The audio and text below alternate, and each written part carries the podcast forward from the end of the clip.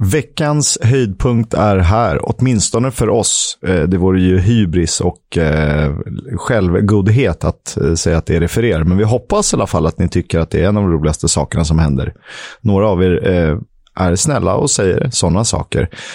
Vill ni och tillhör ni generationen som gillar Facebook så kan ni gilla oss där, Fotbolls Coming Home eller EFL-podden finns vi som. Ni borde hitta oss ganska enkelt. Eh, säg åt era andra vänner, kollegor, farmödrar, vad det nu kan vara, att trycka på like eller följ så får ni det senaste nytt där. Du har väl tryckt på följ, Leo? Jag har tryckt på följ och, och gilla och till och med delat det med eh, alla mina vänner och hela boomer-generationen. Det är ju lite mer boomer att hänga på Facebook än på Twitter, men det är väl också därför jag är där så ofta själv. Så, så eh, alla är ju förstås välkomna, boomers eller inte. Självklart är det så. Eh, hur är läget i övrigt? Eh, nej, men det är bra.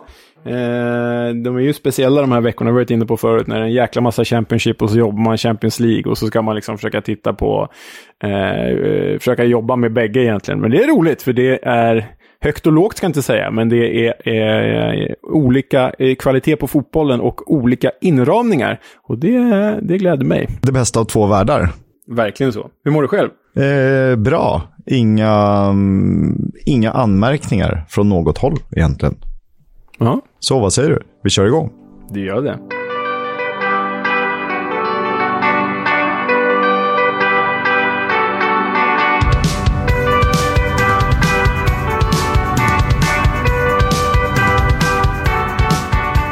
Du lyssnar på Footballs Coming Home, en podcast om Championship, League 1 och League 2.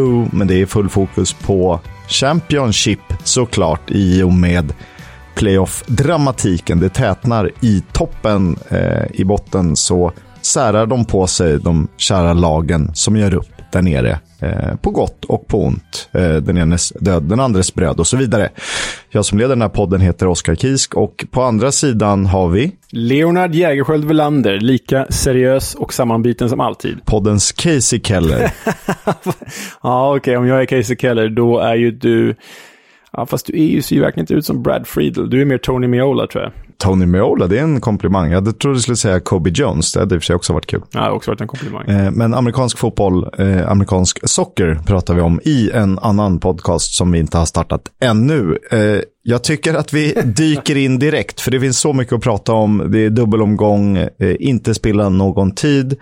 Så vi backar bandet till fredag och den matchen som spelades där, en riktig höjdare i form av Hull mot Huddersfield och eh, det blev ju tre poäng för gästande Terriers, vilket betyder att deras playoff-dröm lever i absolut högsta grad. Ja, men det var ju lite det här vi förutspådde före, före det här landslagsuppehållet, att eh, Huddersfield då, som hade gått ganska knackigt, tappat poäng och förlorat eh, raka matcher till och med. Att eh, de skulle faktiskt få en lätt match här, vilket de fick i Hall, i alla fall på pappret, och att de skulle vinna den. Och det behövde de ju, för nu har de ju ganska tuffa matcher framför sig också i spelschemat, möter många lag på övre halvan. Men vi förutspådde rätt här, kanske inte så svårt, givet förutsättningarna. Hall var ju faktiskt en man mindre halva matchen sen Tom Eves fick syna det röda kortet. Ja, men jag vill ändå stanna vid Nathan Baxter, eh, nummer första målvakt i Hall, eh, som jag tycker har växt ut till en av ligans bättre målvakter. Och det är, ni får ursäkta oss som vi har sagt som typ alla målvakter som gör en bra match.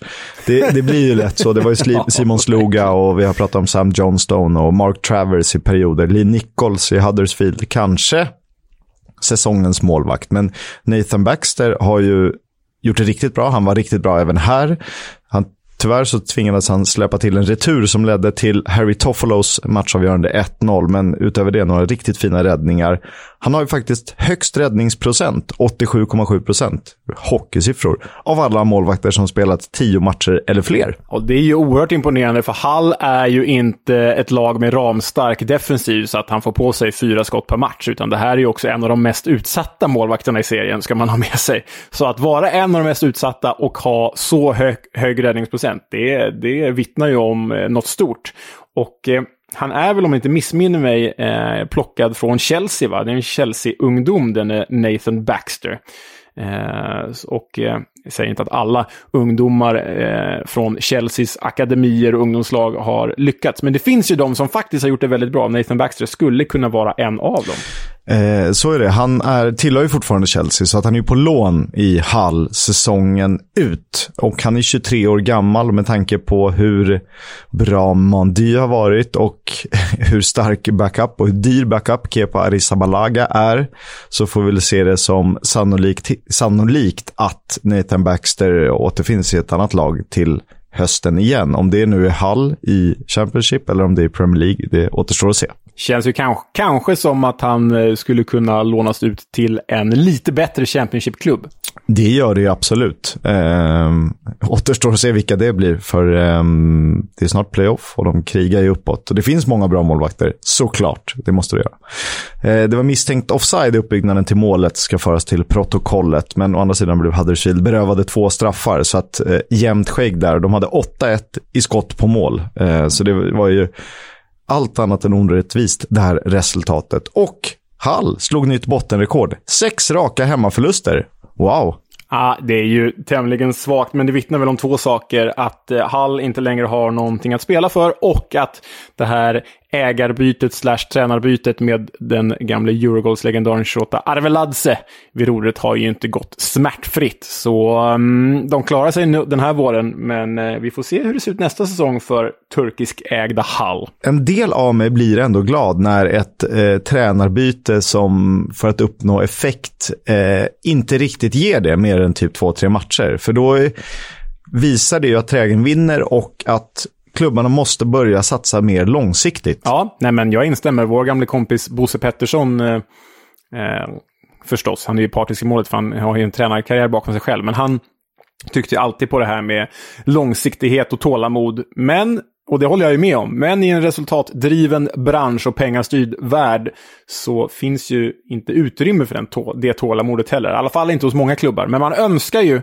att de som faktiskt har tålamod eh, får resultat eh, med sig också. Sen vet inte jag om Grant McCann just var bäst för Hull, men eh, Neil Warnock, Steve Bruce, Big Sam, Roy Hodgson i all ära. Men eh, det är roligare med Eddie Howe i Bournemouth-sagor eh, ändå.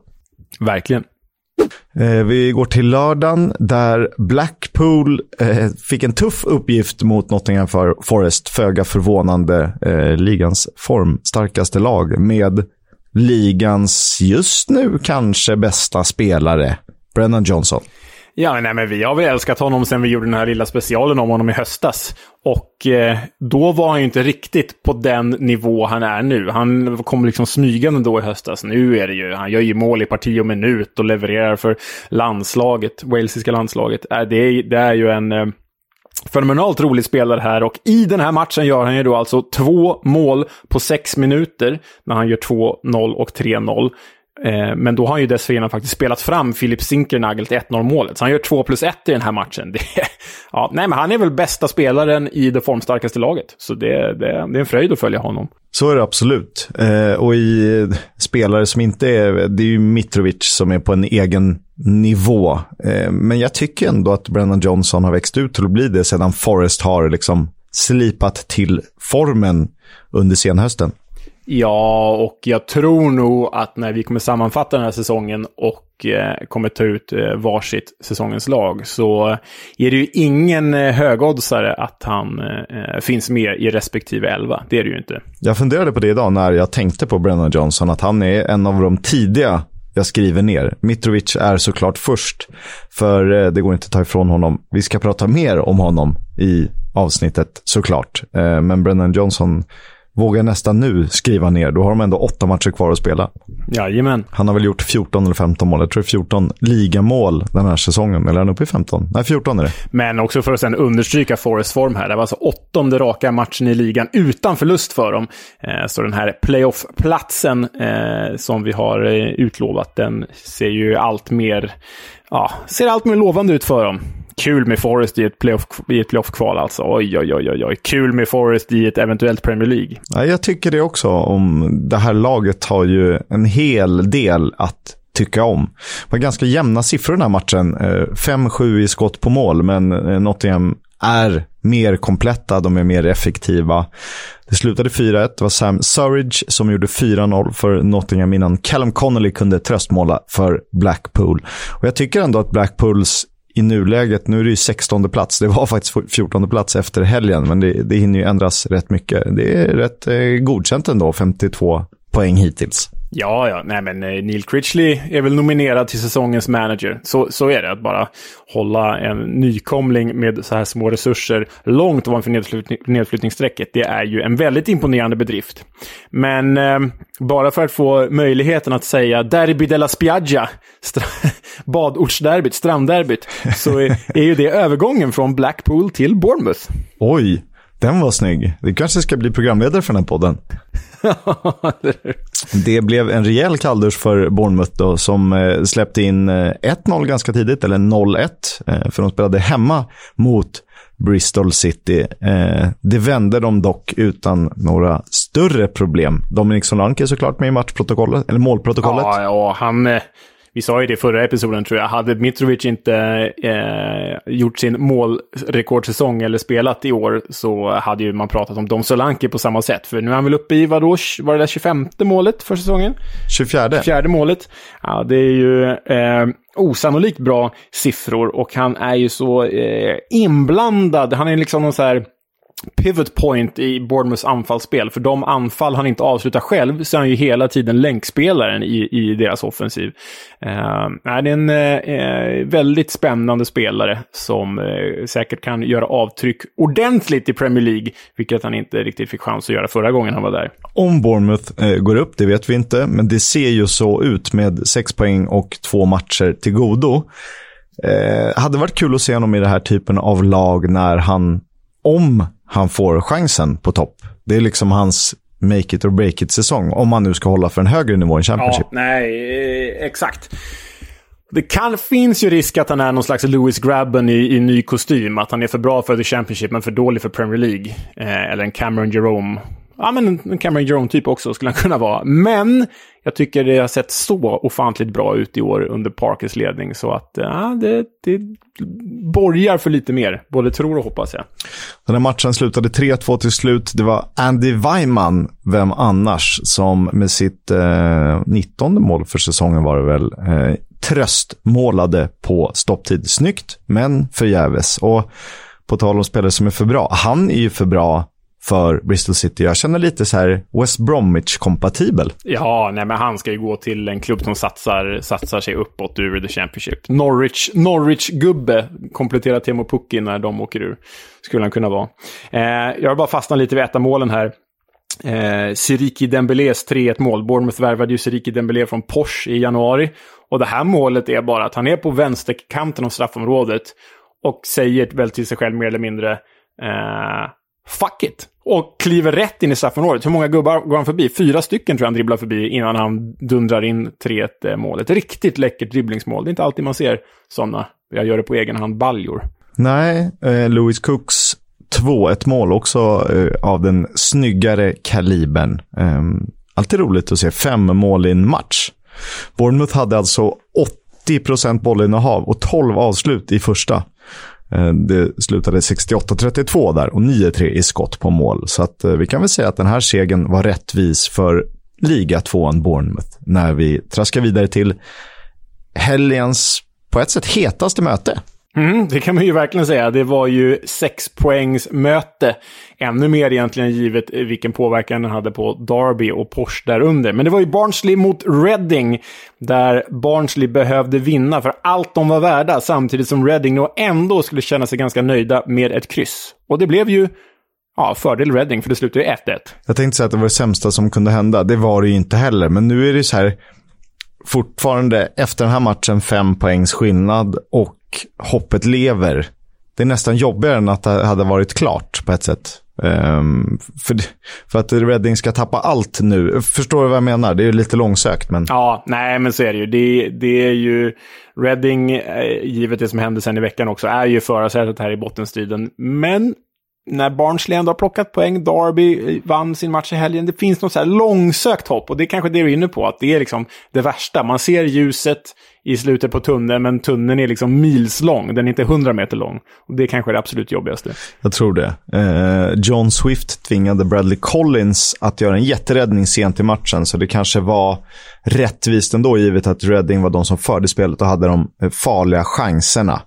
Eh, Reading hade nog kunnat få en möjligt tveksam, men ändå en straff innan ledningsmålet som Carlton Morris gjorde. Och så Josh Laurent eh, satte ju då kvitteringen i 82 minuten, så relativt sent ändå. Ja, kul med Josh Laurent som, som inte hade gjort ett mål på hela säsongen för typ tre veckor sedan. Och nu har han gjort två på tre veckor, så det kul att han har kommit igång. Bra baljor också, ska det ju sägas. Ja, det första där var ju en jättepärla i krysset. Ja, Nej, den, den, var ju riktigt sanslös. Hög internationell klass.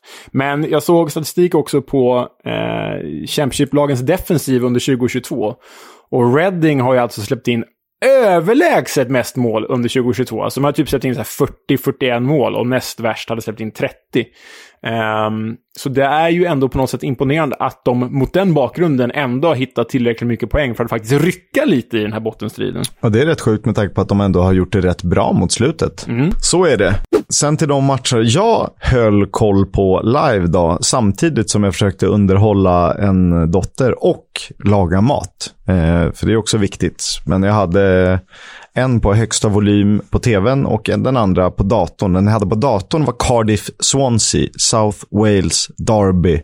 Det slutade 0-4. Ja, men det såg man väl inte riktigt komma ändå med ett så extremt ojämnt Swansea som vi ändå har och ett Cardiff som någonstans har hittat sin nivå här under de senaste månaderna under Steve Morrison. Men det här, alltså givet var bägge lagen ligger den här säsongen i ingenmansland. Ingen kommer eh, åka ner, ingen kommer bli inblandad i bottenstriden, ingen kommer väl i princip hamna på övre halvan. Skulle kunna ske i och för sig. Men att Swansea då åker eh, upp några mil eh, i södra Wales, eller jag åker de ner? De åker upp väl? Ah, skitsamma. De åker, de åker upp, upp, exakt. Eh, och fullkomligen mosar ärkerivalen Cardiff. Och det är ju den här matchen som spelar roll. Det här var ju det som kunde rädda säsongen för respektive. Och där får man ju säga att Swansea tämligen enkelt avgick med, med segern. Och det viktigaste av allt är ju att Swansea, som vann det första mötet med 3-0, har sammanlagt 7-0 i derbyt, derbyna den här säsongen, över 180 minuter.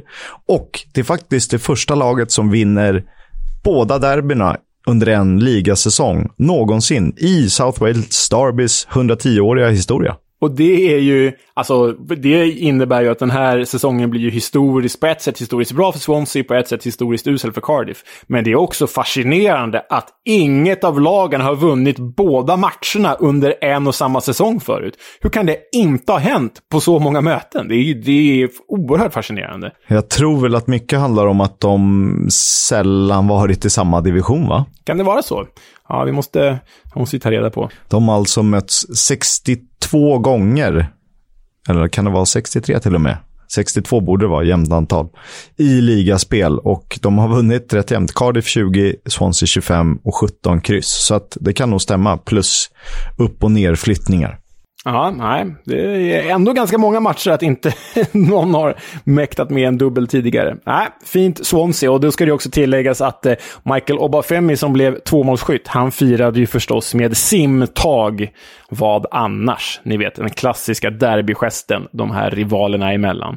Ja, ni kommer ihåg den historien. Det finns ett gammalt eh, avsnitt som heter simtag, spadtag och något sånt där. Eh, tio minuter in tror jag det var. Eh, kollar ni på Twitter under tweets och svar så kommer ni hitta det. Eh, Österrikan Hannes Wolf utökade eh, till 2-0 då med sitt första mål för Swansea sedan han lånades in från Gladbach i januari. Det var samme Wolf som spelade fram Obafemi till avslutande 4-0. Ben Cabango, försvararen, han göra mål däremellan. Kul för honom, Swansea-produkt som han är. Exakt. Eh, vad finns mer att säga? De är fem poäng före Cardiff, va? Jajamän. Och en match mindre spelad. En match mindre, ja. Precis. Och det, framförallt tror jag det är viktigt för Russell Martin och Swansea inför nästa säsong att man får avsluta hyfsat bra. Man känner att spelet stämmer. De behöver få in lite nyrekryteringar som passar systemet bättre. Men just att effektiviteten funkar, det är ju råg i ryggen. Ja, exakt. Och jag tror att så länge de inte liksom förlorar de sista kommande matcherna allihopa så tror jag att det finns förtroende för Russell Martin att bygga vidare på sitt, eh, ja, om inte annat så underhållande bygge till nästa säsong. De är ju, trots allt, med en match mindre spelad, bara tre poäng bakom West Bromwich Albion, vilket är rätt sjukt. det är rätt sjukt, för även om det är ett dåligt VBA så har de ju inte känt så dåliga faktiskt. Nej, och hur bra var de inte i början? Det var ju 3-0 och 4-0-segrar till höger och till vänster. Och Colin Grant ja, och Callum ja, ja. Robinson och hej och hå. Ja, Den andra matchen jag hade högt på tvn så att hela familjen, vi var bara två i familjen hemma då, eh, fick höra och fråga vilka man hejade på i den matchen. Eh, jag säger inga. Det var Coventry Blackburn, den slutade 2-2 och vi hade såklart en svensk i målprotokollet. Mm, och det var ju ett viktigt mål för eh, det var ju Viktor Gyökeres som eh, satte det avgörande, eller sista 2-2 målet på stopptid. En, eh, ja, ett förlupet inlägg som han eh, skallar in och sen firar han ju med fansen och pekar på klockan. Någon slags Gyökeres time, eller Coventry time, vill han väl insinuera där. Men det var ju viktig poäng för Coventry, eller ja, kanske ett tungt poängtapp för bägge snarare, för nu ser det ju lite tyngre ut för eh, båda. Men underhållande match där Bradley Dack fick göra sitt första mål på över ett år för Blackburn. Ja, det, det kan man inte tycka illa om. Eh, dessförinnan hade ju Harry Pickering noterats för ett självmål som han, där han i en rensning sparkar in bollen i eget mål. Väldigt oturligt, men Matty Godden hade kunnat få straff strax innan, men han svarade med att spela fram O'Hare som ju tvingade fram självmålet. Och så på tal om återkomst då. Ben Brereton Diaz var tillbaka, han fick 45 minuter, han hade ett skott strax utanför och fick syna det gula kortet. Det är väl en bra återkomst. Ja, man såg väl direkt att det här löste upp lite knutar i Blackburns offensiv. Jag menar, nu gör de ändå två mål, de skapar mycket chanser. Eh, att han är tillbaka kommer innebära att de tar mer poäng. Frågan är om det räcker. Det får vi ju se. Men jag tyckte också när Scott Wharton eh, knoppade in 2-1 till Rovers på hörnan med mindre än 10 minuter kvar. Det kändes, om man tittar på firandet där, så kändes det som att Blackburn firade med så här enorm lättnad. Som att så här, åh, äntligen, nu vinner vi det här. Men så gjorde de inte det ändå. Eh, så det var lite typiskt för dem. Nej, för det som skulle blivit sex övertidsminuter blev tio. Eh, Viktor Gyökeres mål var i typ faktiskt hundrade minuten. Det var någon som stormade planen, det var någon som var skadad, så att det förlängdes. Eh, det är rätt snyggt mål, eller det är rätt ekvilibristiskt utfört. Han liksom halvligger och lyckas ändå starkt nicka in bollen på ett eh, Fancati Dabo-inspel. Ja, och bara for the record här så ska det sägas att vi har sökt Viktor Gyökeres gång efter annan. Vi hör av oss då och då. Eh, vi vill ha med honom här i podden. Vi får se om och när det blir av. Men bara så ni vet, vi gör jobbet, vi jagar. Så får vi se om vi får prata med den svenska skyttekungen eller inte. Vi får se det. Derby gör, gjorde vad de kunde i helgen i alla fall, när de besegrade Preston North End. Ja, och där hade de ju lite med sig också, för Preston är ändå ett ganska stabilt lag, så inte helt lätt för Derby att besegra dem. Men Liam Lindsey blev ju utvisad en halvtimme in för PNI och då kunde ju Derby faktiskt köra på totalt och hade ju 13-1 i skott i den här matchen. Men som det brukar vara för Derby när motståndaren drar på sin utvisning så drar de också på sin utvisning. Och Max Birds tvåfotare i början av andra halvlek, den är ju den är inte så fin. Så det, de spelade faktiskt 10 mot 10 i 40 minuter i den här matchen. Det gjorde de och vem höll sig framme om inte deras lilla talisman för den här vårsäsongen. Revel Morrison, efter en tilltrasslad eh, hörnsituation så kunde han trycka in segermålet. Som kanske skänker ett sista litet minimalt eh, önskvärt hopp till detta derby. Ja, men jag jublade i alla fall. Det är klart du gör det. Sveriges eh, största och senaste Derby-supporter. Senaste i alla fall. Största fysiskt kanske. Längsta. Ja. Eh, de har ju en bit upp eh, eftersom Barnsley har en match till godo och så är det ju nio poäng till Reading. Jag tror inte på det, men eh, om de själva tror på det så låt gå. Eh, man trodde nog kanske att Luton skulle få en enklare resa mot Millwall i, inte reprisen, men det som var 1985 kravallmötet Derby sa vi, jag tycker ändå vi kan kalla det lite Greater London Area ändå. Eftersom flygplatsen heter London Luton, eller hette det. Ja, nej, men det är ju Greater London Area Derby. Det, det låter ju fantastiskt när man säger det. Men nej, men eh, Luton överraskade sig lite när Tom Bradshaw, ni vet den speciella anfallaren i Millwall tillbaka från skada, gav Millwall ledningen med sitt första mål på tre månader. Och föga förvånande var ju Jed Wallace framspelare med sin tionde assist för säsongen faktiskt. 1-0, 25 minuter in i matchen till gästande Millwall då. Så var det, men ett stiligt samarbete från Amari Bell och Elijah Adebayo ledde fram till kvitteringsmålet. Och sen 2-1 målet är ju elegant när Burke hittar Benica Fobe som volleyplacerade in den bollen. Och Benica Fobe har ju verkligen imponerat under den senare halvan. Mm, riktigt så här Fifa-mål. Nu spelar jag in den snett inåt bakåt och så stöter man in den i öppet mål. Nej, men det var, eh, det var läckert. Luton lyckas ju dock skaffa en pinne i den här matchen genom den målglade mittbacken Jake Cooper. Dock har han gjort många mål framåt för Millwall den här våren. Nu gjorde han ju dock ett självmål, men målglad ändå. 2-2 blev det i den matchen, alltså. Eh, Luton alltjämt ett playoff-lag. Eh, sen till den, den stora smällen, det var väl inte så förvånande att Middlesbrough skulle vinna mot Peterborough. 4-0 blev det. Ja, en eh, riktig eh, catch-up-effekt där. Men Peterborough är ju inte på den här nivån, det vet vi. Och Middlesbrough har ju väldigt hög höjd i sig när de får det att stämma. Och det ser man ju inte minst på 1-0 målet som Marcus Tavernier, vad ska vi säga, skruvar in den i bortre burgaveln med liksom, det är så fel skruv nästan. Det är som brukar bända en så här ytterskruv, en innerskruv så går ändå in i bortre burgaveln. Det är läckert ledningsmål. Då hade ju faktiskt Porsche den bästa chansen innan det ledningsmålet i den 26 minuten. Men eh, Paddy McNair, som ju varit riktigt, riktigt fin för Borough den här säsongen, räddade en Joe Lumley på vift. 2-0-målet visar väl kanske hur svaga Peterborough är. Särskilt eh, bakåt då när Johnny Hausons boll in lyckas ge Balogun drömläge från nära håll. Ja, och sen eh, Duncan Watmore som eh, inte gör så många strutar, men när han gör dem så är de ofta riktiga brakare. Så även det här. Han satte själv 4-0, riktig rackabajsare från nära håll i typ krysset. Men han spelade också fram till den unge Josh Coburn som satte 3-0. Mm, det är stark prestation av Middlesbrough. Jag tycker nästan Duncan Watmore är bäst när han får komma in. För att han är ju snabb, till och med snabbare än vad man tänker sig att han borde vara. Och eh, möta ett trött försvar kan ju vara rätt tacksamt som snabbanfallare. Eh, om man tänker själv när man har spelat. Verkligen. Inte alltid att han är lika bra över 90 minuter, tycker jag personligen. Johnson Clark Harris, en av våra tre efternamnsgubbar eh, där ute i Championship, hade också någon chans som sig bör. Eh, men Borough är tuffa att möta. Stabila bakåt och effektiva framåt under Chris Wilder. Titta till ett till derby då. då. QPR mot Fulham, 0-2. Ja, och här ska det sägas då att eh, en eh, sån som jag, en Fulham-supporter, är alltid väldigt orolig för de här West London Derbys. För historiskt sett har ju Fulham väldigt svårt för Queens Park Rangers, Hoops eller Ars eller vad vi nu kallar dem.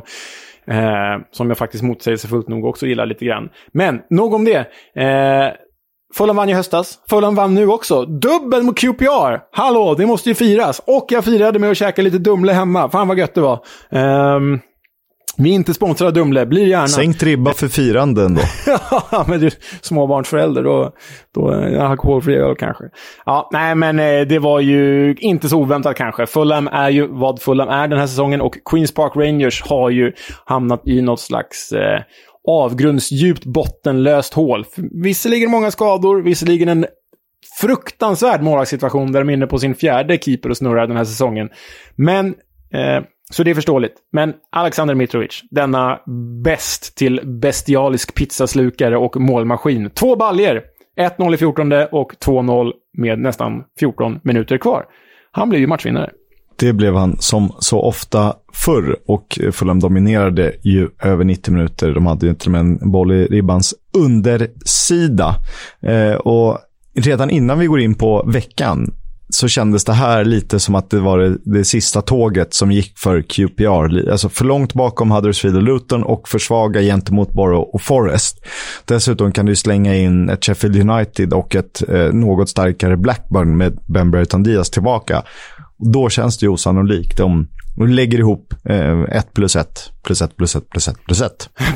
ja, nej, omständigheterna talar ju inte för QPR. Och jag tycker att det är tråkigt, och jag har tryckt på det så många gånger den här säsongen, att QPR kanske har spelat den mest sevärda fotbollen. De har inte gjort mest mål. De har kanske inte haft samma liksom rave Hawaii-fotboll som, som Bristol City. Men de har spelat med oerhörd finess, läckra mål, läckra spelare, fina eh, tekniska nummer. Äh, det var riktigt elegant, läckert och delikat lag om man får vara lite pretentiös. Och så slutar det så här. Givet spelare som varit på Afrikanska mästerskapen, givet skador. Alltså, som sagt, Kieran Westwood är deras fjärde målvakt den här säsongen. Um, så nej, det, det är synd för QPR, för jag tycker att de förtjänar mer. Men truppen har väl uppenbarligen inte varit tillräckligt bred för detta.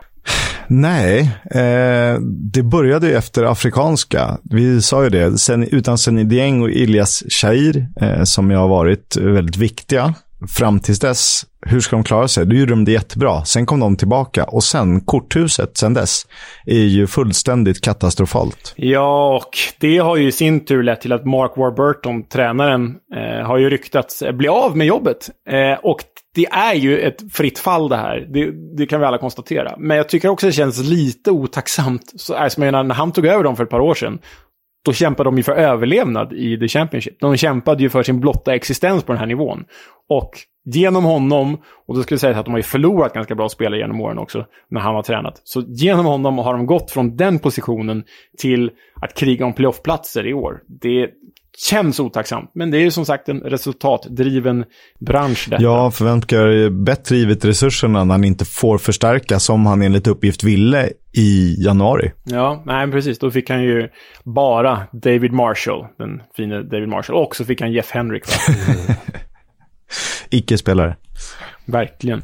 Så var det med det. Eh, vi ska prata mer om dem i veckomatcherna då. Eh, Stoke, Sheffield United 1-0. Den såg man inte riktigt komma. Nej, man blir inte klok. Vad fan, Stoke, kan ni skärpa er? Ska ni vara bra? Ska ni vara dåliga? Sheffield United, vad håller ni på med? Ni liksom jagar de här playoffplatserna och så förlorar ni på ett det är ganska oturligt självmål av John Egan. Han får ju bollen på sig och så går den in i, i första stolpen. Så det är ju vad det är. Det, hade väl, det var väl en typisk kryssmatch som råkade bli en eh, hemmaseger. Ja, men lite så. så bara 1-1 i skott på mål över 90 minuter är ju svagt. Eh, Blades hade bollinnehavet. Jag tycker att det märks för tidigt när en spelare, även om de har förstärkt bra över hela truppen, så när Morgan Gibbs White inte riktigt är påkopplad så blir Sheffield United ett ganska mycket sämre fotbollslag. Eller så tänker resten av laget att han löser uppgiften till slut.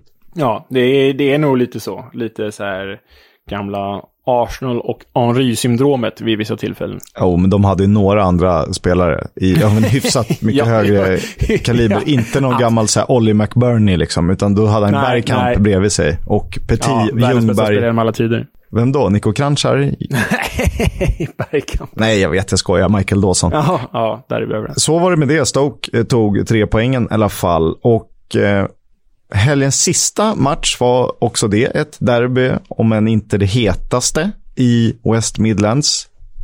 Birmingham, West Bromwich Albion, 1-0. Ja, straff också genom Lyle Taylor, eh, Nottingham Forest-lånet. Jag tycker det är, är ganska roligt, eh, för eh, den uppmärksamma noterade att Lyle, Lyle Taylor, efter att han rullat in straffen då, och matchens enda mål, så firade han genom att springa bort till Carlan Grant och daska till honom på rumpan. Carlan Grant spelar ju West Bromwich Albion, motstånd, motståndaren alltså. Men de här två har ju spelat i samma klubb tidigare, så det var väl någon blinkning därifrån. Själv hade jag nog inte uppskattat att bli daskad på rumpan när jag precis släppt in ett derbymål.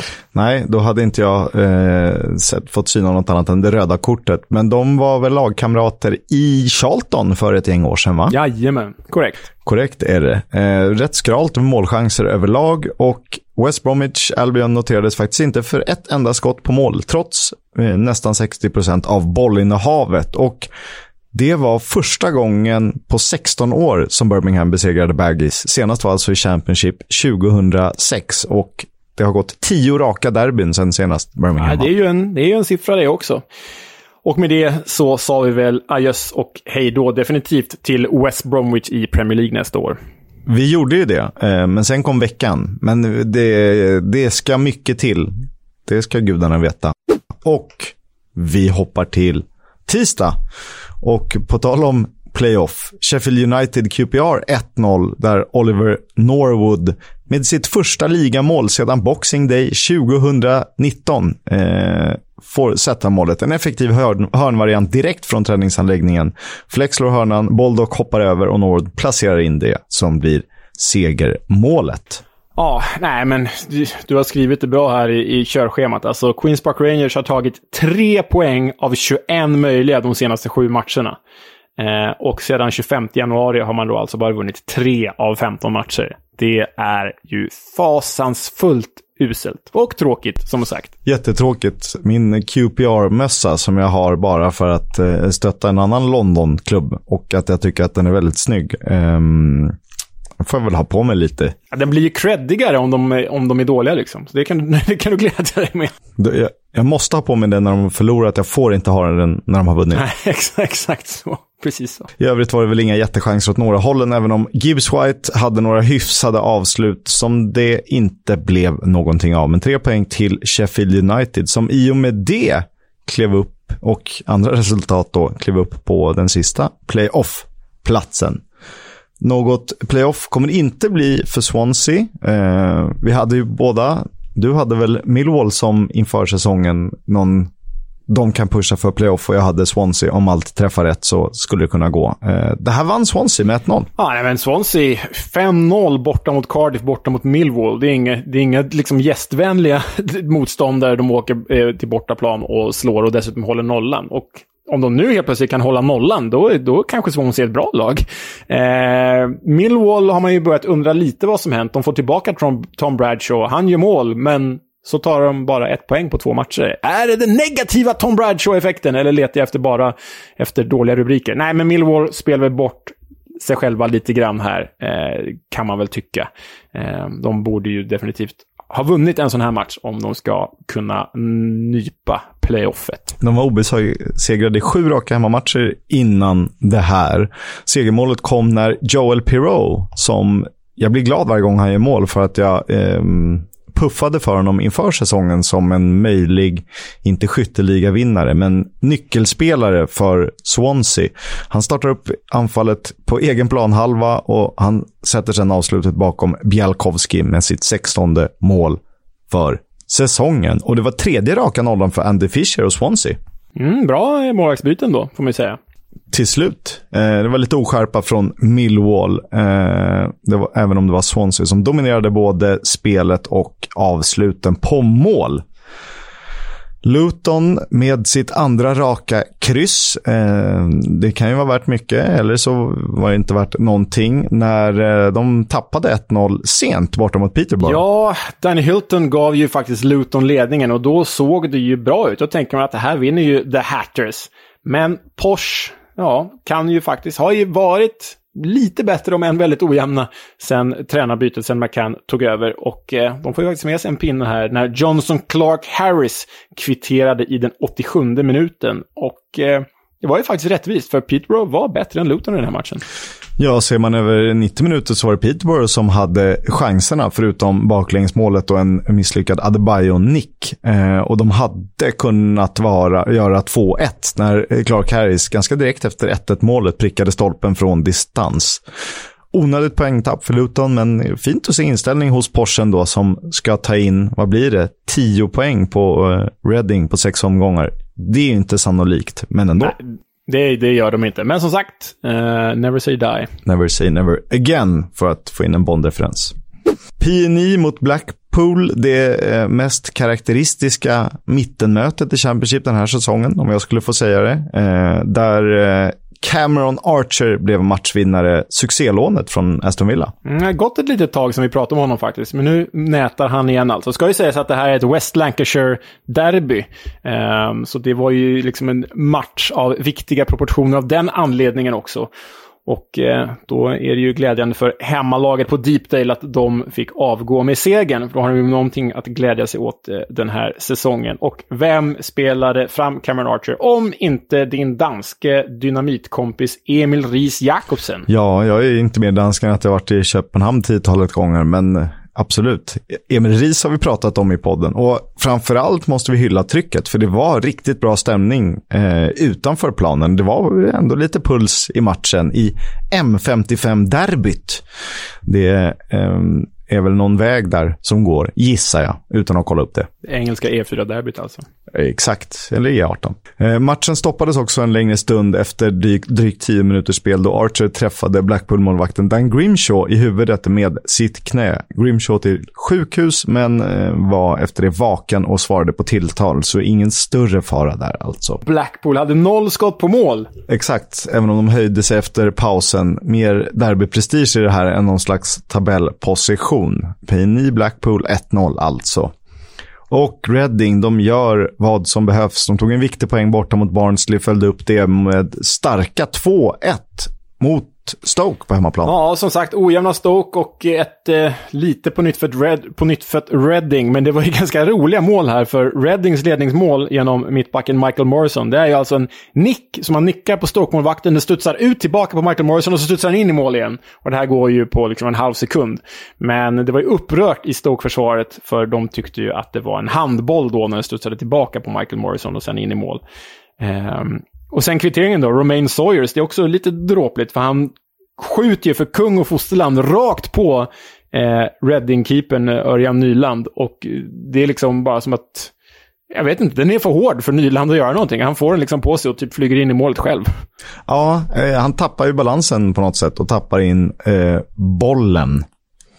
Det innebar ju 1-1 för Stoke och det blev inte mer värt än att Hans lagkamrat Harwood Bellis var sist på bollen som landade i eget mål när Reading tog tre viktiga poäng i jakten på nytt kontrakt. Och det är faktiskt så att i och med det här så var det Readings fjärde raka match utan förlust och på de tio senaste har man bara förlorat tre. Vilket jag tycker är rätt bra som bottenlag och får ju ändå ge en fjäder i hatten till Paul Ince. Ja, nej men det, ingen trodde väl på Paul Ince, givet Eh, hans tidigare tränarerfarenhet när han tog över här. Men eh, det har ju varit skillnaden. Det har ju verkligen varit skillnaden i bottenstriden. Hade de inte bytt till Paul så hade de ju... Vi pratade ju då om Pounder skulle sitta kvar, att de skulle åka ut och Barnsley eller Derby skulle trumfa dem. Men det här var nog det räddande draget. Ja, men till och med Reading-supportrarna själva, de man följer, skrattade ju åt anställningen eh, av Paul Linz. Så att de hade väl också givit upp. Men eh, skam den som ger sig. Du jobbade med Champions League i veckan, vilket innebar att jag fick titta på ditt kära Fulham. Och eh, de gästade ju Riverside, där Middlesbrough nog borde fått en poäng. Minst i alla fall. Eh, men det slutade 0-1 och som så ofta förr, Alexander Mitrovic med sitt 38 mål för säsongen. Ja, och det är ju på en eh, fin frispark av Harry Wilson. Och det ska ju sägas att, jag menar, om det finns en sak Middlesbroughs försvar borde gått igenom inför den här matchen så är det att Alexander Mitrovic, ni vet han som har gjort 37 mål i ligan, han spelar i fullen. Men Mitrovic är ju då, när han skallar in den här bollen, helt själv. Han är helt ensam. Han är, alltså närmsta försvarare är ju tre meter ifrån honom. Det är som att de är inte med. De försöker typ ställa honom offside på frisparken. Jag vet inte. Någonting händer så att han är helt ensam. Och då gör ju Mitrovic mål, förstås. Det är två saker från det här. Eh, om vi börjar med negativa som spinner vidare på Borough-försvaret då. Fulham springer ner med två spelare som blir offside eh, strax innan bollen slås. Och de, en av dem hinner upp, den andra hinner nästan inte upp. Så att det är så här misstänkt offside. Men den spelaren tycker inte jag påverkar spelet. Och det passar Mitrovic på att nyttja när de ställer sin försvarslinje ganska högt. Och sen det andra, hans häng i luften när han nickar in bollen. Det är ju otroligt. Ja, men det är ju Ronaldo Champions League-målshäng. Ja. Det är verkligen sånt. När man, så här, man hinner räkna sekunderna känns det som. För att vara så stor, han känns ju inte så atletisk eller snabb, men jösses vad smart han är i de här typen av situationerna.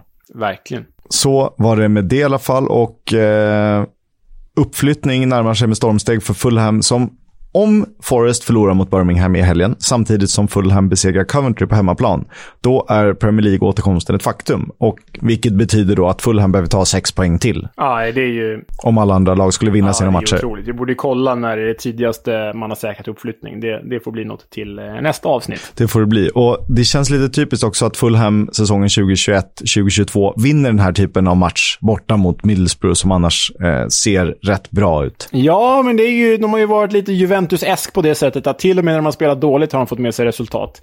Eh, så det är ju champagnefotboll fast med eh, bra... Eh, fast med medgång när spelet låser sig. Och jag har ju tidigare varit lite tveksam till Tim Ream. Eh, dels för att han inte har sett ut som en fotbollsspelare eh, och särskilt inte på planen. Men här tycker jag han var, eh, kändes riktigt stabil och sådär lugn som man vill att en mittback ska vara.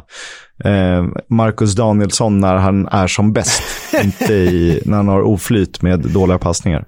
Ja, ja, det där. Ja, nej, jag, jag kan köpa liknelsen Marcus Danielsson, fast, fast för mig är den liksom lite mer negativt klingande med, för både Danielsson och Tim Ream. Men så, så kan det vara. Så kan det vara. Eh, Nottingham mötte Coventry och vann planenligt med 2-0 och det är ju oklart hur. Men Brennan Johnson lyckas trockel, trockel lyfta in bollen till slut, trots spelare som ligger i vägen och allt och försvarar straffområdet. 1-0 gjorde han i 25. Ja, hans fjärde poäng då på de två senaste matcherna. Det är ju, som sagt, går Nottingham, in, Nottingham inte upp så spelar han i Premier League ändå nästa säsong. Eh, sen är det James Garner då som fyller på till 2-0 mot Coventry och eh, Nottingham är ju för jäkla bra just nu. Det är de. Det var nionde raka utan förlust för Forest. Eh, gästerna hade dock 5-3 i skott på mål och Gyökeres hade någon lägen han sköt långt över och O'Hare hade nog kunnat bli målskytt med lite mer skärpa, men Coventry har bara lyckats skrapa ihop sex poäng på de åtta senaste och playoff-drömmen stannar vid just en dröm. Vi börjar närma oss slutet för veckoomgångsgenomgången och det var en liten knall på The Hawthorns när West Brom slog Bournemouth med 2-0. Ja, det kände man ju så här. Fan vad onödigt West Brom. Ni förstör ju bara för Bournemouth, för det här hjälper inte er så mycket. Men det är klart vi vill ha spänning där uppe i toppen, så varje poäng Bournemouth kan tappa så att det kan bli jämnare om andra platsen är ju bara roligt. Och här var ju då en spelare som vi faktiskt hyllade så mycket i höstas, som inte har varit särskilt förlöst under våren. Men Alex Mowat fick göra 1-0 och det gillar vi ju. Eh, absolut. Eh, fin vänsterpärla där eh, från eh, viss distans. Men det som slog mig här när jag kollade igenom det var att det var nio Bournemouth-spelare i eget straffområde. Dessutom hade man ju Mark Travers i målet, ganska nära mållinjen. Och ändå tillåts Maut skjuta in den. Det ska ju inte vara möjligt. Om de radar upp sig så kan du inte, om du inte lyfter den över, ens göra mål. Men situationen som föranleder, det ligger ju tre eh, Cherries eh, spelare och folk hamnar åt höger och vänster. Men jag tycker ändå det är eh, pinsamt dåligt organiserat där och då. Ja, nej så är det ju. Och sen då bara fyra minuter senare därtill så gör ju Andy Carroll 2-0 och stänger den här matchen. Så att se Bournemouth släppa in två mål på 12 minuter, det är ju lite där på ribban där va? Det är det absolut. Och de noterades ju för noll skott på mål. Trots att de hade 68% av bollinnehavet. Solanke hade någon chans eh, från nära håll. Billing och Semora sköt över i hyfsade lägen. Eh, och för West Brom krävs det nog att de vinner nästan de sex återstående matcherna för att ha minsta lilla chans. Och på tal om det, kommande matcher. Alltså lyssna på det här Kisk. Chef, eh, Bournemouths spelschema. Nu har ju de extra matcher att spela, men ändå. Sheffield United borta, det är alltså ett playoff-lag. Middlesbrough hemma, playoff-lag. Coventry borta, ja de är borta från playoffet, men det är ändå erkänt svår eh, bortamatch. Fulham hemma, får de väl hoppas på att Fulham är klara och packade och skiter i vad som händer. Swansea borta, ja det ska de väl ta. Blackburn borta, playoff-lag. Eh, Nottingham Forest hemma, playoff-lag. Och Millwall hemma, eventuellt eh, playoff-lag. Så det är ett jävla spelschema Bournemouth har kvar. Ja, den är tuff. Och då två matcher i hand hjälper väl föga då, om man tittar på jämför med Huddersfield och Luton. Men jag tycker ändå, ser du över hela säsongen så vore det ju mest rättvist om Fulham Bournemouth gick upp. Jag tycker så här, visst, du kan säga prata om Huddersfield, men de hade fortfarande en jättelång dipp. Forrest tog ett bra tag, samma med Borough, för båda de lagen att komma igång. Blackpool, eh, Blackpool har de med playoff här? Blackburn eh, såg ju lite imponerande ut i början. Det var ju samtidigt som Coventry gick bra. Eh, och Ben Brereton Diaz var i form. Jag tycker ändå Bournemouth haft ett jämnt. Inga jättetoppar, inga jättedippar. Nej, jag håller med. Och levererar de i de här matcherna, då är de ju verkligen värda Premier League. Men jag säger bara, höj ett varningens finger. Här är det tufft. Hur många poäng kan de tänkas behöva? De måste vinna i alla fall tre, fyra av de matcherna. Eh, det kanske till och med räcker med att bara vinna tre av dem. Ja, det kan faktiskt räcka. Det var det om det. Ska vi ta en en snabb liten kik i tabellen där Fulham leder. De har ju spelat 39 matcher och tagit 83 poäng. Bournemouth är tvåa med 72. Sen har du Huddersfield, Luton, Forest och Sheffield United i nuläget. Borough och Blackburn på 62. De är två poäng bakom Sheffield United. Men ni får nästan kolla själva för att rabbla vilka lag som saknar spelade matcher och så vidare. Ja, det vet vi. Jämnt är det i alla fall. Och eh, Reading i förarsätet i botten, även om de har en match mer spelad än Barnsley, de har ju åtta poäng till godo i nuläget. Kan bli fem. Ja, det är ju en spännande avslutning och vi, vi, vi gillar ju att prata om vår tabell och så har vi också spanat ner i League One ju för att se vilka som kan vara på väg upp. Men en grej vi inte har gjort, det är att vi inte har tittat på Premier League-tabellen. Vilka kan vara på väg ner? Jag tänker bara att jag ska göra en kort passus här. Vi gör väl det mer noggrant när det är klart vilka som faktiskt ramlar ner från Premier League. Men det troliga är ju att Norwich och Watford gör oss sällskap i den här podden nästa säsong. Men igår, dagen före vi spelade in det här, så möttes ju Burnley och Everton. Och Burnley slog Everton. Everton ligger fortfarande före Burnley, en poäng. Men på deras nio kvarvarande matcher, alltså Evertons kvarvarande matcher i Kisk, nio matcher i Premier League, då möter de Manchester United, Leicester två gånger om, Liverpool, Chelsea, Arsenal. Och sen har de då tre mot Watford, Brentford och Crystal Palace. Men alltså att sex av de här nio matcherna är mot eh, ja, men bra klubbar, eller stora klubbar, det kan skicka ner Everton för första gången någonsin. Och eh, jag är ju lite av en Everton-vurmare, så det vore ju tråkigt på det sättet. Men det vore ju fan så kul för den här podden, faktiskt. Ja, men det är dubbelt. Å ena sidan vill man, likt Hamburg i Bundesliga, att eh, de ska vara en konstant. För om jag har förstått det rätt så har Everton bara spelat två sessioner utanför högsta divisionen, totalt fyra säsonger. Så de hör ju hemma i det som numera heter Premier League.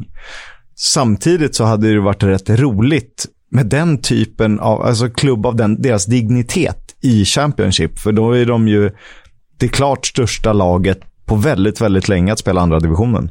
Ja, nej, men det är ju liksom, det man kommer nära är ju när, när Newcastle och West Ham varit nere. Ja, exakt men, vad jag tänkte. Everton exakt vad jag tänkte. är ju större. Alltså Everton är ju verkligen större än båda de två. Det ska man ha med sig.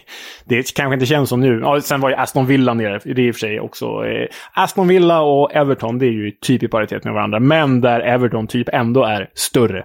Eh, Sunderland vill man ändå slänga med, men nu har det ju gått så dåligt senaste säsongerna så man förknippar dem mer med misslyckanden i Sunderland till I die än vad man gör med något annat.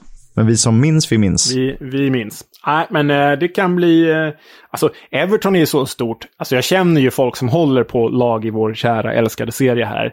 Men Everton är en så stor klubb så att det finns liksom flera personer på redaktionen där jag jobbar som håller på Everton. Jag har folk i mitt korplag som håller på Everton. Alltså, det är många personer som håller på Everton. Det är inte så här, ja, jag känner en som håller på Blackburn och en som, förutom jag, som håller på Fulham. Utan det här är, det är en sån stor klubb så att det är många svenskar som håller på Everton. Det är många. Efter eh, helgens debacle så skrev Daily Mail att Mark Warburton är på väg att få sparken. Och det är ingenting som har bekräftats än, även om det har cirkulerat rykten även nu.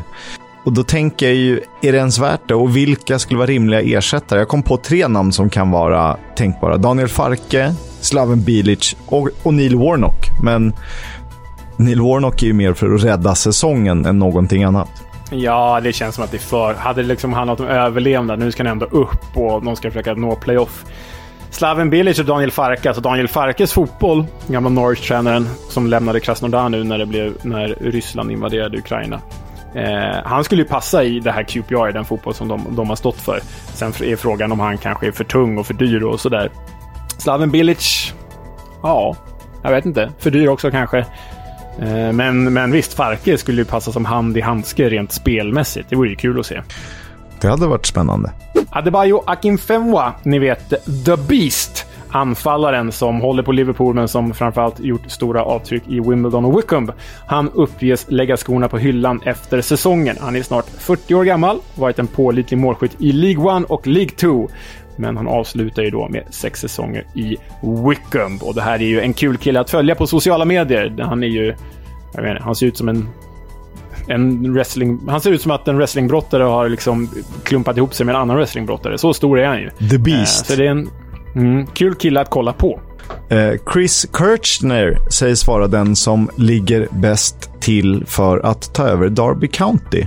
Och eh, det ska komma mer uppgifter i veckan. Um, men det, det verkar hända grejer. Han har ju tyvärr omgärdats av lite negativ PR, för det är ju som eh, alltid sker vid sådana här saker, att man bakgrundskollar personer och då är det Derby-supportrar som har hittat att han har eh, Eh, skrivit och uttalat sig väldigt negativt om eh, eh hbtq-personer eh, genom åren. Eh, som, som han nu liksom försökt tvätta bort genom att säga att det var ett skämt. Men eh, återkommande negativitet om hbtq. Eh, och det eh, vore väl tråkigt om eh, det skulle vara så. Men eh, vi får hoppas på det bästa för Darby. Det som kom ut igår var att konkursförvaltarna meddelar att han är deras go-to-person, deras önskade person att då få ta över detta stackars Darby County. Sen då, Sam Johnston, målvakten i West Bromwich. Hans kontrakt löper ut i sommar och enligt uppgift vill Antonio Conte ha honom som andra keeper i Tottenham. Och vad känner du inför det, Kisk? Både och. Eh, egentligen en bra målvakt. Eh, nu står ju han ex-Atalanta-keepern som två bakom Hugo Lloris. Golini. Eh, och han har väl inte gjort något större avtryck. Svårt är väl det. Hugo Lloris är svår att peta. Jag tycker ändå att han får oförtjänt mycket kritik. Han är trots allt en stabil målvakt och för en topp 4-klubb. Eh, dessutom en trotjänare och sådana växer inte på träd. Och kapten.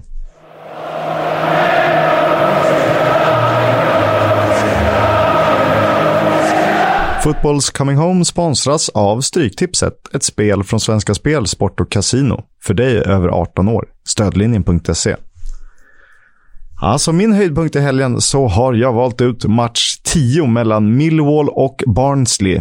Det är ett ödesmöte för båda klubbar kan man ju säga. Och ett kryss vore ju det sämsta tänkbara om Millwall fortfarande drömmer om den där playoff-platsen. Men de behöver de vinna och Barnsley är inte helt avsågade än, även om det ser mörkt ut. Eh, så de behöver ju tre poäng för att ha en chans att kliva om Reading på sikt. Ångestladdat, men ack så härligt.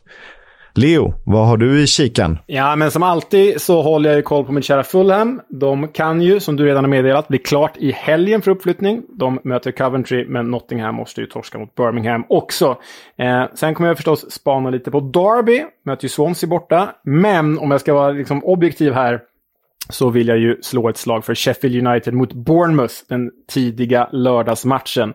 Här är det ju viktiga poäng som står på spel och Bournemouth går in i sitt tuffa spelschema och Sheffield United vill ju knappa in på alla lag där vid playoffet. Så den är ju extra härlig. Och sen vill jag bara slå en liten, slå en lans för alla matcher, dra en lans för alla matcher här. Men eh, klassisk kryssmatch på The Hawthorns mellan West Bromwich och Stoke. Det kan ju bara bli kryss i den matchen. Och du nämnde ju Sheffield United tidigare. De har ju eh, flera rivaler. Framförallt har de en i sin stad. Eh, I det så kallade stålstadsderbyt, Steel City Derby. Och vi ska ju faktiskt få höra mer om just Sheffield Wednesday.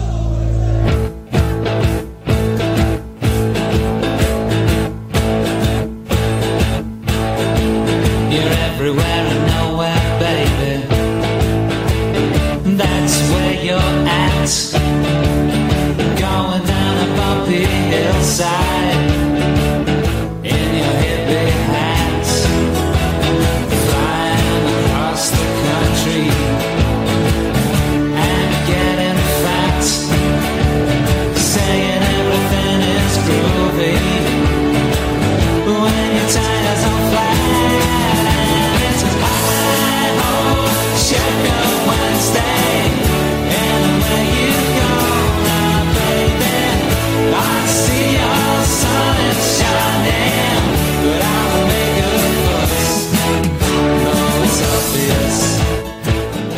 Ja, själv blev jag ju behjärtansjälat glad när jag såg att Sheffield Wednesdays klubbhymn är en omskrivning av Jeff Becks gamla klassiker Hi Ho Silver Lining. Men tyvärr så är ju liksom den här versionen en misshandel på, på Jeff Becks gamla fina dänga. Och dessutom så kör ju Wolverhampton samma låt. Eh, och det kan vara bra tyck ibland på, med på den här High Ho Silver Lining. Men det är ju ganska ooriginellt när det är flera klubbar som delar hymn, Kisk, va? Tycker du inte? Jo, det är det ju. Man vill ju ha den för sig själv, eh, såklart. Ja, Sheffield Wednesday var det va? Vi har ju pratat om Sheffield som stad och stålstad och stålindustri i avsnitt som Sheffield United som vi gjorde någon gång i vintras eller höstas. Vill ni veta mer om stan, då ska ni leta upp det avsnittet. Här kommer vi fokusera mer på klubben än på själva staden. Men med det sagt så är ju Wednesday en av stålstadens två stora giganter. Ena halvan av The Steel City Derby, som Kisk precis har sagt. Och därtill en av världsfotbollens äldsta professionella fotbollsklubbar. Fotbollsklubben Sheffield Wednesday grundades 1867 som sprunget ur The Wednesday Cricket Club. Men Kisk, vilken klubb i England är äldst egentligen? Man kan ju se det på olika sätt och det är rätt många klubbar som försöker dras med epitetet och det har förändrats. Men man brukar ju säga att Sheffield FC, alltså varken Wednesday eller United, eh, som spelar de lägre divisionerna, är den äldsta nu alltjämt aktiva klubben. Korrekt. Så det är ju många fina fotbollsanor från Sheffield och The Steel City. Tror för övrigt att Sheffield FC sponsras av Classic Football Shirts. Eh, ni vet, om ni vill gå in och köpa tröjor där så kan man ju få rabatt om man använder eh, vår kod. Som är vadå, Kisk? Är det EFL-podden? Det är EFL-podden och vi har en länk via sociala medier. Nåväl, tillbaka till Wednesday. Det speciella namnet Wednesday, var kommer det ifrån då? Jo, det var nämligen så att cricketklubbens grundare hade sin lediga halvdag, inom citationstecken, på onsdagar. Och det var då de kunde spela cricket. Därav namnet Wednesday. Man tog sin speldag i klubbnamnet helt enkelt. Det första smeknamnet var dock länge, och det har vi också varit inne på i tidigare avsnitt, The Blades. Precis som ärkerivalen Sheffield United. Och detta har ju sitt ursprung i Sheffields status som stålstad och besticktillverkarindustri. Dagens smeknamn The Owls, Ugglorna, härstammar istället från klubbens flytt till stadsdelen Owlerton 1899. Även om det faktiskt dröjde till 1912 innan det smeknamnet satte sig. Däremellan hade klubben till och med provat på att ha en apa som maskot och smeknamn. Men eh, det fastnade inte. Flytten till Owlerton från, just det, Bramall Lane, de spelade ju på Bramall Lane tidigare, Sheffield Uniteds nuvarande arena, kom i samband med att klubben professionaliserades. Och då ville laget inte vara kvar på Bramall Lane då arenavärdarna tog en del av biljettintäkterna. Och en nyckelperson under de här första årtiondena var en, en man vid namn Charles Clegg.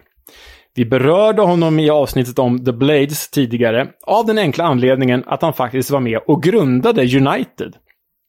Born and raised i Sheffield och bodde där hela sitt liv. En fotbollens man. Både som spelare och ledare. Han deltog bland annat i den första landskampen mellan England och Skottland 1872. Och för Wednesday var han både ordförande och president. Därtill blev han sedermera ordförande för The FA, där han kom att kallas för The Napoleon of Football. Mäktigt smeknamn.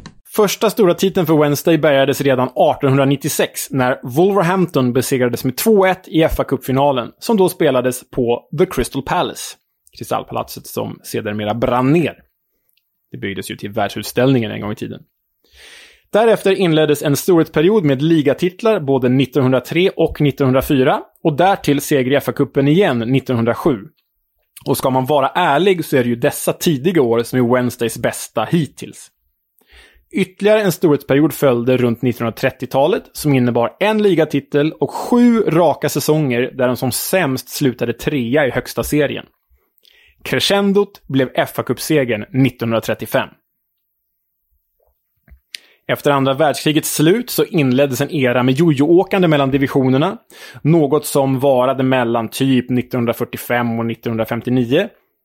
Och efter uppflyttningen i början på 1960-talet så kämpar de faktiskt omgående med Spurs om ligatiteln. Men får se sig besegrade av ditt kära Tottenham. Det låter ju helt osannolikt att Tottenham skulle ha berövat några andra, något annat lag en ligatitel. Men eh, hör och häpna. Ja, så var det. En gång. Once upon a time. Andra plats för Wednesday i högsta serien alltså 1961. Klubbens dittills och hittills bästa ligaplacering efter andra världskriget. 60-talets stora rubriker var annars FA-cupfinalen 1966, då man förlorade mot Everton. Och den stora spelskandal i England där tre av Owls spelare dömdes för matchfixning. De ska tydligen ha lagt sig mot Ipswich Town. Och de hette Peter Swan, David Lane och Tony Kay. De blev alla portade från fotbolllivet ut efter att ha suttit i fängelse. Även om Swan faktiskt fick eh, lite upprättelse och kom att spela ett par till matcher för Wednesday på 1970-talet. International Peter Swan, now 29. Tony Kay, 28, another England international. And David Lane, 26. Sheffield Wednesday paid £16,000 for him. All three were found guilty of conspiracy to defraud when Wednesday lost at Ipswich in December 62. For a few pounds, careers were broken.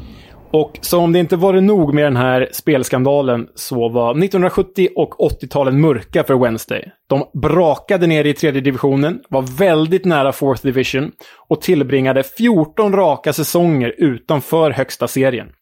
Men Jack Charlton och Howard Wilkinson var tränarna som tog dem tillbaka till eliten igen framåt mitten av 1980-talet. Även om 80-talet var okej okay rent sportsligt så drabbades Wednesday hårt av två arenakatastrofer. Dels Hazel-katastrofen i Belgien 1985, för den innebar ju att inga engelska lag fick spela i Europa på ett par säsonger. Och här säger man ju då att det är Everton som fick lida mest, eh, rent eh, historiskt sett, för de var ju som bäst i England då, vann ligan flera år och fick inte representera England i Europa. Och de drabbades ju hårdast av det här.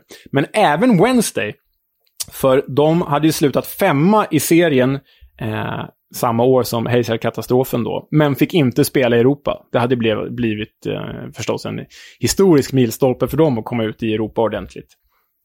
Men sen då drabbades de ju förstås ännu hårdare av eh, den läktartragedi som skedde på deras egna arena Hillsborough den 15 april 1989. Det hette ju tidigare Justice for the 96. För bara någon månad sedan så fastställde man ju att det är faktiskt 97 personer som har eh, förolyckats av eh, skadorna och den här tragedin som hände på Hillsborough. Det var ju alltså då 97 Liverpool-supportrar som förolyckades på Wednesdays arena Hillsborough i ja, fa matchen mot Nottingham Forest. Och offren på Leppings Lane, Leppings Lane End minns vi än idag. Yeah, to know that one of your cousins was, was at that game and, and had been, been crushed and you know, seeing his his mum um, and his dad and his close family, you know, the reaction on their faces and stuff helped to drive me on to you know, to become the player I am today. Stephen Gerrard is one of the thousands of people whose life changed on April 15th, 1989. 96 people lost their lives in what is considered the biggest tragedy in Premier League history.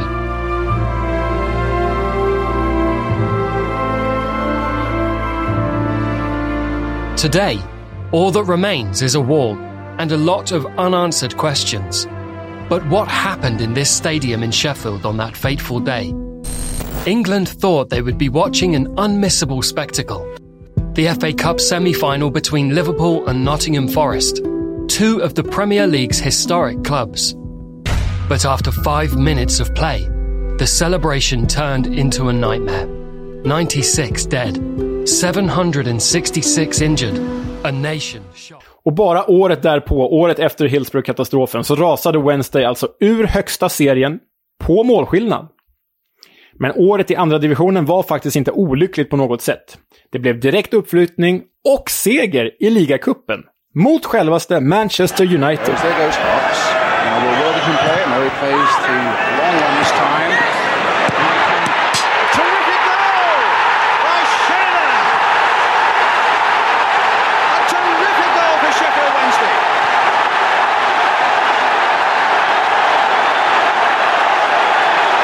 That really rattled off the post and into the back of the net beyond Sealy. And the second division side go into the lead here at Wembley. John Sheridan. Som ni hörde blev John Sheridan matchvinnare med matchens enda mål och Wednesday hade faktiskt ett bra lag här trots att de höll till i andra divisionen. Eller vad sägs om Roland Nilsson, John Harks, Nigel Pearson, David Hurst, Nigel Worthington och Trevor Francis. Oh, det är profiler. Det är ju det. Och Wednesday är faktiskt till dags dato det senaste laget från de lägre divisionerna att vinna FA eller ligacupen. Som nykomling i högsta serien slutade Wednesday ytterst överraskande på tredje plats. Något som innebar Europaspel i Uefa-cupen lagom till säsongen 92-93. Och något som också innebar att Wednesday då var med och skapade Premier League säsongen 92-93. Så ett toppad Wednesday är alltså med och grundar Premier League, spelar Uefa-cupen för första gången i klubbens historia och når, hör på det här, två inhemska cupfinaler säsongen 92-93. Och det är ju ett jädra häftigt lag som de har här. Vi har ju nämnt, av dem, nämnt några av dem alldeles nyss i, i Roland Nilsson och John Sheridan och David Hurst. Men här har de då alltså tillgång till Viv Anderson, Carlton Palm, Palmer och Chris Waddle. Chris Waddle måste ju en eh, person som Kevin Bader älskar med sitt eh, tyska svall. Ja, verkligen. Och Chris Waddle utsågs ju faktiskt det här året till årets spelare i England.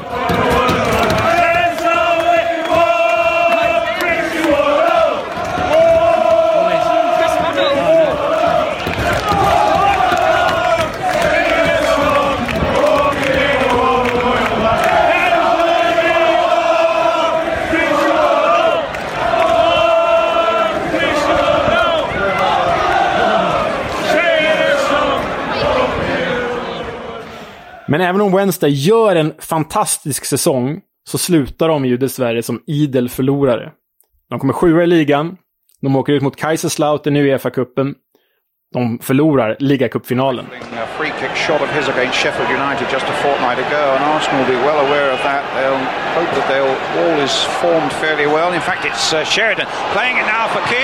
Knocked through the middle now. Hawks with the shot! And a goal for Wednesday!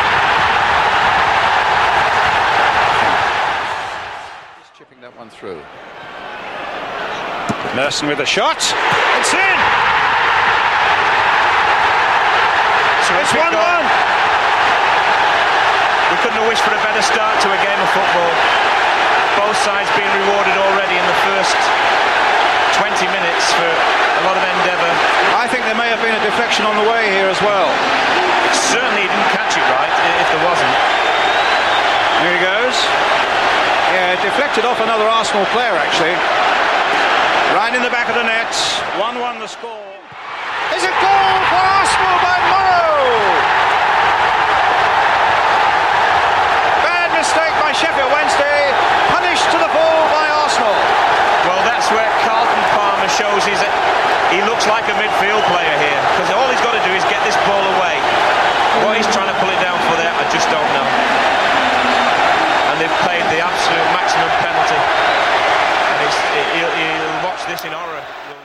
Förlust mot Arsenal i ligacupfinalen alltså.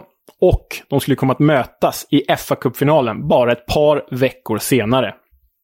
Då mäktade Wednesday med 1-1 på Wembley mot Arsenal efter mål av David Hurst. Något som ledde till omspel fem dagar senare. Även det på Wembley. Arsenal certainly feeling that Sheffield Wednesday perhaps had their best chance to win the game on Saturday. Smith, that's a delightful touch through, and it's Ian Wright bearing down on Chris Woods, and he scored!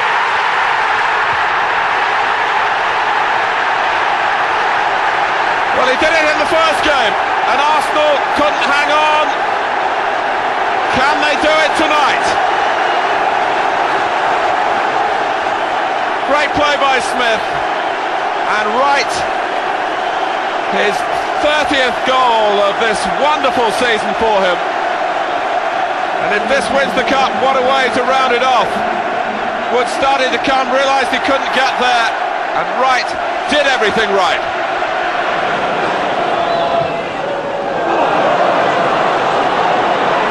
Launched long by Woods.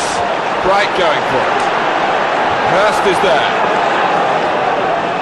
Harks on the right now. Bright coming in. And Waddle coming in. Deflected.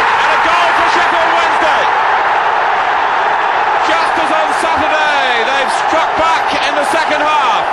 And David Seaman left stranded by a deflection. Merson to take it. Andy Linigan has won the cup for Arsenal. Sheffield Wednesday absolutely stunned. Steve Morrow leading the applause.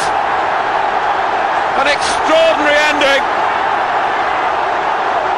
And Linigan a most unlikely hero, defying not only the fatigue but that broken nose from the first half,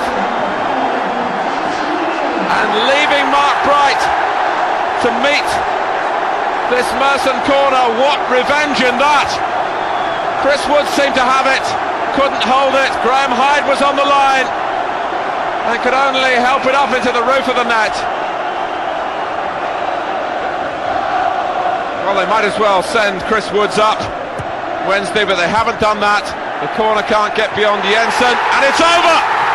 Arsenal have made history here! Två finalförluster inom ett par veckor alltså. Och den sista, FA-cupen som vi precis lyssnade på, i den 119 minuten. Ja, det är smärtsam säsongssummering får man ju säga. Resten av 90-talet och inledningen av 2000-talet var inte lika spektakulärt som säsongen 92-93. Men svenskar fanns det ju gott om. Dels Roland Nilsson som vi varit inne på. Claes Ingesson gör en säsong i Wednesday 94-95. Niklas Alexandersson spelar ju tre år i Wednesday. Jesper Johansson, svensk-finländare, gör ett år i Wednesday, gammal djurgårdare också tror jag. Bojan Djordjic, utlånad till Wednesday, gör fem matcher. Och Ola Tidman, reservmålvakt, är där i två år. Så det är ju en svensk klubb historiskt sett. Och just pionjären Rolle är en man som man minns med mycket värme i Allerton. Swiftly on, and uh, obviously the stuff that we want to hear from you is about your time at Sheffield Wednesday. Uh, unbelievably successful. You, you know, in, in many people's eyes, uh, you're the number one player. The, the, we still sing songs about you. And uh, so, what, what was your, from your point of view, what was your time like at Sheffield Wednesday? Well, uh, I think uh, one uh, one of the highlights in, in my football career. Uh, unfortunately, we we uh, couldn't manage to stay up the first year I came. Uh, we went down, but we went back up and, and we won the, the League Cup final uh, against Man United. Not bad, not bad. Yeah, yeah. Then we just carried on and played with some great players and and. Uh, it always felt like uh, we were a family, uh, Uh, and, and uh, I really enjoyed every moment over there. And uh, when we get together, when I meet the old players and so on, it just feels like it's been a, a short while since the last time. Och det är väl någonstans här, Kisk, som du och jag växer upp och börjar gilla fotboll. Vad har du för bild av 90-talets Wednesday? Jag tror man tänker på Roland Nilsson och Niklas Alexandersson. Det var ju mycket svensk fokus då. Det var inte så att man kunde välja vraka bland vilka matcher man skulle se. Nej, jag vill hellre se Cardiff Swansea eller någonting. Utan det var ju tack vare svenskarna ändå man fick upp ögonen. Man läste väl tidningen Goals inför säsongens summering. Ja, nej, men så, så var det ju. Och... Eh det var väl en del svenskar som fastnade för Wednesday här i och med de svenska spelarna och att de syntes på Tipsextra och så. Men det blev bara nio raka säsonger i högsta serien innan det blev degradering igen för Wednesday. Niklas, Alexson, Niklas Alexandersson fanns i truppen då. Och faktum eh, är att Wednesday var väldigt nära en Great Escape i sista omgången våren 2000. Det är då de åker ner till andra divisionen. Och vilka mötte de då i sista omgången för att hålla sig kvar i Premier League? Jo, Arsenal förstås. Och så här lät det då, våren 2000. At one stage last night, Wednesday had given themselves a glimmer of hope. First, Gerald Seaborn scored to level matters at one apiece. Wednesday then went in front when Andy Booth put Belgian international Gilles de Bilder clear for a run on goal. And finally, youngster Alan Quinn rounded England's number one David Seaman to open up a shock 3 1 lead. But sadly for the Owls' travelling support, dreams of the greatest of all great escapes were snuffed out as Silvino cut the deficit with a flashing drive, and then Frenchman Thierry Henry struck the goal which consigned the visitors to the drop. So where does the club go from here? Shreves has made it clear he wants to stay on as the boss, but Joe Kinnear is the fans' popular choice. Well, he can galvanise the club, he can regroup the club. he's quite good on a limited as is proof of Wimbledon. And you only have to see the demise of Wimbledon since Joe Kinnear left the club as to what the actual belief of a good manager can do to a team. Just who is to take over, only Chairman Howard Cully knows. But one thing is clear half of Sheffield is in mourning tonight, and it'll be nationwide league football at Hillsborough next season. Och sedan dess, 22 år sedan, så har ju Wednesday inte återvänt. Därtill har de varit nere i League One vid två tillfällen. De spelar ju där för tillfället, som ni vet. Och eh, det var ju tio år sedan de var där senast i League One. Och det här tycker jag i alla fall är ett alldeles för svagt facit för en av landets största klubbar. För det är ju ändå en klubb med fyra ligatitlar. Det är fler än vad Wolverhampton, Leeds, Tottenham, Nottingham Forest och Blackburn har. Det är en klubb med tre FA-cuptitlar. Det är fler än vad Leicester, Leeds och Southampton har. Och de ligger på 15 plats i den engelska maratontabellen. Det är ju bättre än till exempel West Ham, Leeds, Middlesbrough, Nottingham Forest, Stoke, Birmingham, Leicester, Coventry, Norwich, Fulham, QPR, Crystal Palace och så vidare. Därtill har de ju eh, ett av de högsta publiksnitten i hela IFL. Så det här är ju en klubb ämnat för något mycket större än att ligga på playoff i League One. Det är lätt att glömma att de är så pass framgångsrika ändå med deras mått mätt. Mm, så är det. Och det var, det var väl eh, Wednesday i kort sammandrag. Kul. Och de spelar ju, som ni vet, League One i nuläget. Just här och nu när vi spelar in den här podden, då ligger de femma i tabellen. Eh, de har en match mindre spelade än Wickham bakom och Plymouth ovanför. Och de ska nog inte kunna nå varken Plymouth eller Rotherham, som nu är trea, tyvärr. Dock med färre matcher spelade än Milton Keynes Dons Boo. Men eh, att de kan säkra en prem eh, Premier League, en playoff-plats, det känns inte osannolikt. Och de har gått starkt, som flera av de andra toppklubbarna har gjort. Ja, det här vore väl kul eh, för oss till podden, tänker jag, att få upp ett Wednesday. Det är ju ändå en stor jäkla maskin som kan locka. Du, um, vill du ha en uppgift till nästa vecka? Eh, det beror på. Ja, vad har vi gjort här? Jag måste spana på tabellen. Oj, oj, oj, oj, oj. Uh, vi har ju gjort många i toppen där. Uh, ja, men jag tänker att det är läge att du ska få ge oss Ipswich Town. Uff, det är tungt ju. Vad kan vi ha med Honken live? Ja, det kanske man kan. Det borde vi fråga. Det finns ju många Ipswich-supportrar där ute, det vet vi. Exakt, med en liten egen bild. Daniel Kristiansson är väl också Ipswich, va? DK, DK Ipswich. Um, Foto-Jocke på Discovery Ipswich. Adam Tony Nilsson är Ipswich. Um, Erik Mellakari på TV4, eller på ja, de som gör grafik från TV4, Ipswich. Mycket, mycket Ipswich. Um, vad heter han? Uh, vår gamla kompis på Viasat, som nu bor i Serbien. Sladjan Osmanagic i Ipswich också. Oj, vilket gäng. Ja, jävla gäng är det. Tack för Sheffield Wednesday, tack för Ipswich Town. About the fucking game. About your game, last few months, last few weeks. Fucking character. Neil Warnock, som vi vet, profil i Sheffield United, bland andra klubbar, en rad klubbar som han har hjälpt, inte ofta skälpt, men varit i i alla fall. Han har inte varit i Sheffield Wednesday och när han blev intervjuad av 442 för ett gäng år sedan så var han ganska tydlig med vad han tänkte om Sheffield Wednesday skulle fråga, vill du bli manager här? As long as the whole of my salary was paid within 28 days, I would buy so many tosspots, although, come to think of it, their current squad would do, and fuck them up so badly, then I'd retire to Cornwall and spend the rest of my life laughing my fucking head off. Ett otroligt citat ändå. Kanske det bästa vi haft i poddens veckans Warnock-historia. Ja, vi borde fan bjuda in honom och bara göra en hatspecial mot Wednesday. Fast både du och jag är mer Wednesday än United. Ah, ja, det är... Jävla idiot han är alltså. Mycket roligt. Han är en underhållning. Eh, och med det så tackar vi eh, Stryktipset för att de har varit med och sponsrat ännu ett avsnitt av Football's Coming Home. Vi blickar fram mot Ipswich Town, Traktorpojkarna nästa vecka. Eh, och så hoppas vi få en underbar Championship-helg, eller hur Leo? Det gör vi innerligt. Adjö. Hej då, heja Derby. Och Fulham. Och Luton. Och Tottenham. Upptäckta vägar, de han tar. När det regnar kallt och ibland när kampen leder ända fram. Då ses vi på lördag igen.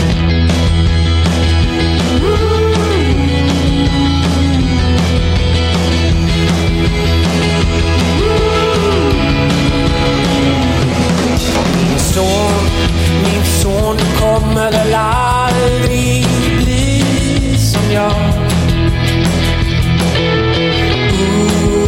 Ooh, alla dina chanser, gör vad du ska. Ibland så regnar det kallt, men till slut leder kampen